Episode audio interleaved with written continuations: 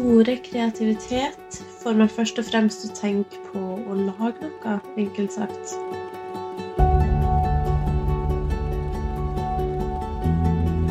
Du hører på Mestringspodden fra Tekna, som i dag handler om kreativitet. Hva er egentlig kreativitet, og kan man lære seg å være kreativ? Psykolog Karina Karl gir oss et innblikk i den kreative delen av hjernen og Tekna-studentene Marte, Emma og Kristoffer deler sine erfaringer og tanker. Det kan være alt fra noe estetisk, som kunst, til noe funksjonelt, som f.eks. en oppfinnelse av noe slag. Når jeg hører ordet kreativitet, så tenker jeg på det å tenke utenfor boksen, eller å tenke annerledes enn kanskje de fleste ville gjort. Og så er det veldig lett å tenke at det å være kreativ har mye med, med hendene å gjøre. Men eh, jeg tenker at eh, det har like mye med å være kreativ i f.eks. fag, eller kreativ i løsninger. Eller eh, Ja, altså trenger du ikke å ha noe med estetikk å gjøre, da, nødvendigvis. Ifølge psykolog Karina viser faktisk forskning at vi alle har det kreative i oss. Den mentale prosessen bak kreativitet er komplisert, og det er ingen entydige forklaringsmodeller eller definisjoner. Men kreativitet kan ses som en skapende evne, oppfinnsomhet, nytenkning, fleksibilitet og problemløsning. Kreativitet er avgjørende for å håndtere utfordringer generelt, for endring og fornyelse, og må derfor ikke begrenses til vitenskapelige oppfinnelser kunst og design, men ses som en overførbar kvalitet til samtlige arenaer, faglige retninger og situasjoner. Som barn er vi naturlig kreative gjennom lek, noe det for de fleste blir mindre av i voksen alder.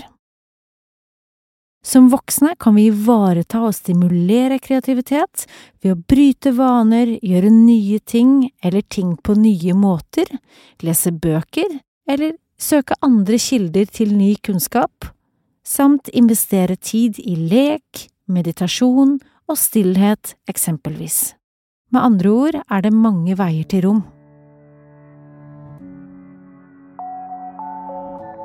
Jeg vil si at jeg er kreativ på den måten at jeg ofte ser etter forskjellige løsninger på ting.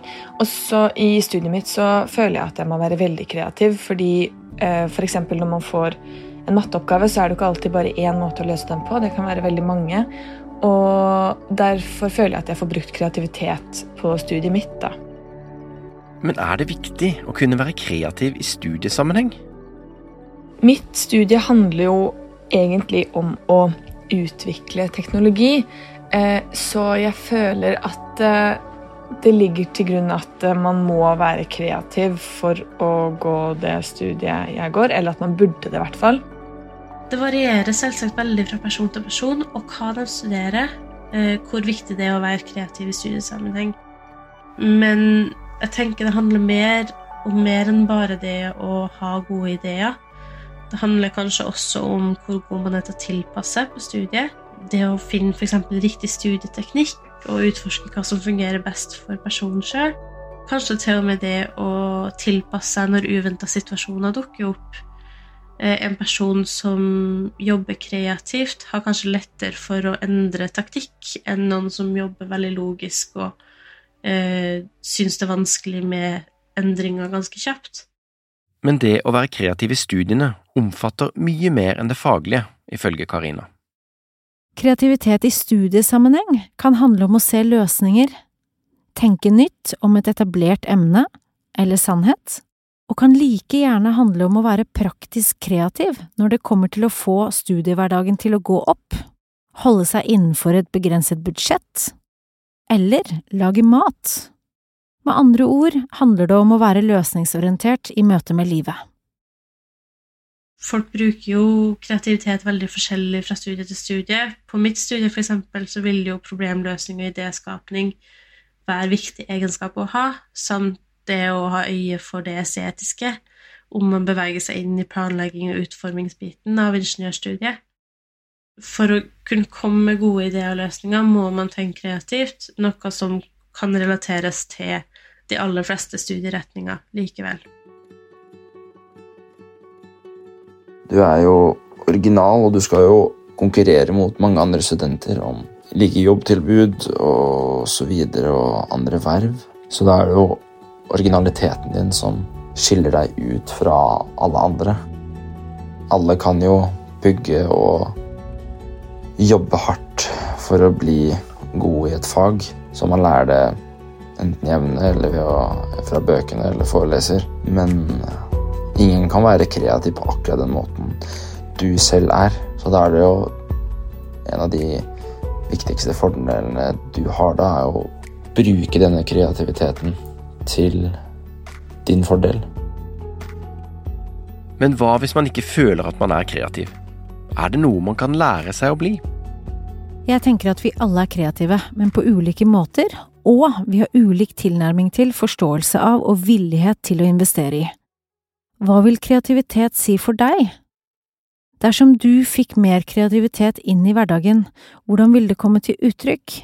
I hvilke situasjoner og på hvilken måte? Gjennom å investere i lek, utfordre vante mønstre, sette av tid og fokusere på prosess fremfor resultat, kan du stimulere det kreative. Kreativitet krever ro. Derfor er det viktig å ha gode verktøy og vaner for å forebygge og håndtere stress, eksempel ved å praktisere meditasjon. Situasjoner hvor jeg føler meg mest kreativ, er vel situasjoner hvor jeg føler meg godt uthvilt, og jeg har ikke noe i hverdagen som jeg må gjøre. Som uh, har jeg masse innleveringer uh, som jeg er litt på etterskudd med, og jeg har de hengende over meg, så føler jeg ikke det er en ideell situasjon hvor nå skal jeg utfolde meg kreativt. Men hvis jeg føler meg godt a jour og har ja, sovet godt, de to tingene, da føler jeg da kan kreativiteten bare komme når som helst. Tekna-student Emma tror også det kan ha en positiv innvirkning på kreativiteten vår å omgås forskjellige typer mennesker. Jeg tror at man kan lære seg å være kreativ både ved å utfordre seg selv til å tenke nytt og annerledes, men også ved å um, være rundt andre kreative mennesker som tenker nytt og, og på en annen måte enn du selv ville gjort. da.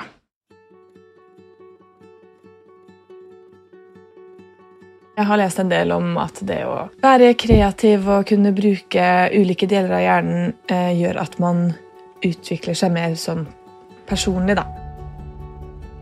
Men hvordan påvirker det hjerneutviklingen vår å være kreativ? Psykolog Karina forklarer.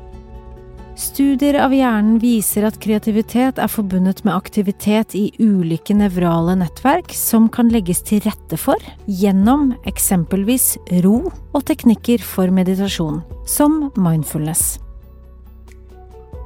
Du har kanskje erfart at du tenker klarere når du er rolig og trygg, og at du kommer på diverse som du har glemt på slutten av en hektisk dag når du skal sove. Dette handler om at ro stimulerer hjernen positivt. Konsentrasjon, hukommelse, evnen til å ta inn ny informasjon, løse problemer, treffe beslutninger, er alle avhengig av at du er nede i gir. Dette skyldes at alarmberedskap, stressresponsen, spiser av den mentale kapasiteten. Med andre ord kan den beste investeringen i kreativitet være å sørge for å ha nok tid, og å prioritere aktiviteter som gir deg ro. Du har hørt Mestringspodden fra Tekna. I dag har vi snakket om kreativitet og fordelene det gir i studiesammenheng å kunne tenke kreativt. Hvis du studerer naturvitenskap eller teknologi og planlegger å ta en master, kan du bli Tekna-medlem. Les mer om medlemsfordeler på tekna.no. slash student. Trenger du noen å snakke med, kan du ringe Mental Helses døgnåpne gratis telefontjeneste på nummer 116 123. 116 123.